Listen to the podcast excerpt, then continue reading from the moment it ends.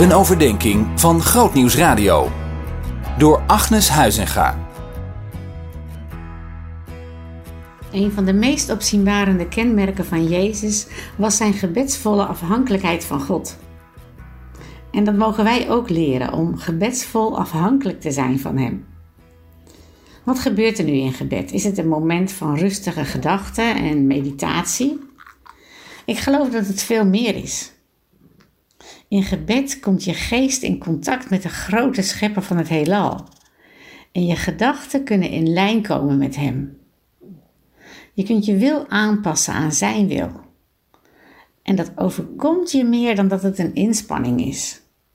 Je liefde voor Jezus wordt bevestigd, bekrachtigd. En het is niet alleen dat jij tot God spreekt, Hij spreekt ook tot jou. Nou, hoe breng je nou je gebedsleven in lijn met Hem? Het begint met een besluit om niet onafhankelijk te zijn, maar om in afhankelijkheid van God te leven.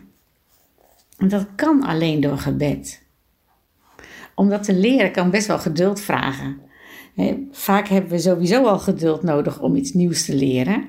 En als dat al geldt voor andere terreinen, dan zeker bij gebed. Het is zo vitaal. Gebed gaat om het bouwen van een relatie met God. En elke relatie kost tijd, energie en inspanning. Hou daar rekening mee. Gebruik een gebed om hulp, een gebed als een adem om je gebedsleven te versterken. Bijvoorbeeld, Vader, help me, vul mij, hou mij dicht bij U. En als je je gebedsleven wil versterken, wordt de tegenstander niet blij. En vaak merk je dat je tegengewerkt wordt als het ware je, je gebedsadem wordt afgebeten. Maar wees niet bang. God helpt je om door te gaan. Richt je daarop. Een derde punt is: bedenk dat God je gebeden hoort en dat Hij wil geven wat je nodig hebt. Niet per se wat je vraagt, wel wat je nodig hebt.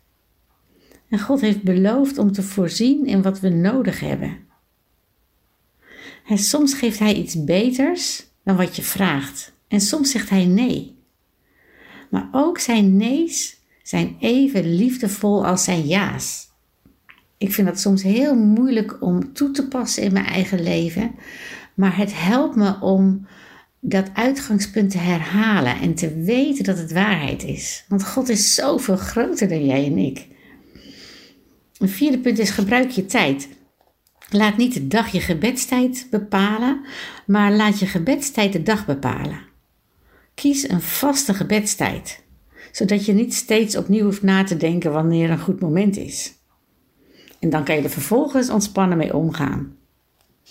En het laatste punt is: begin met een deel uit Gods woord.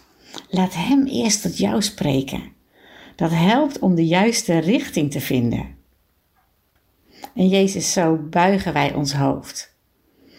En wij willen ons innerlijk overgeven aan een gebedsvolle afhankelijkheid van u. Dank u wel. Amen. Zien in nog een podcast? Luister naar De Preek van de Week via grootnieuwsradio.nl/podcast.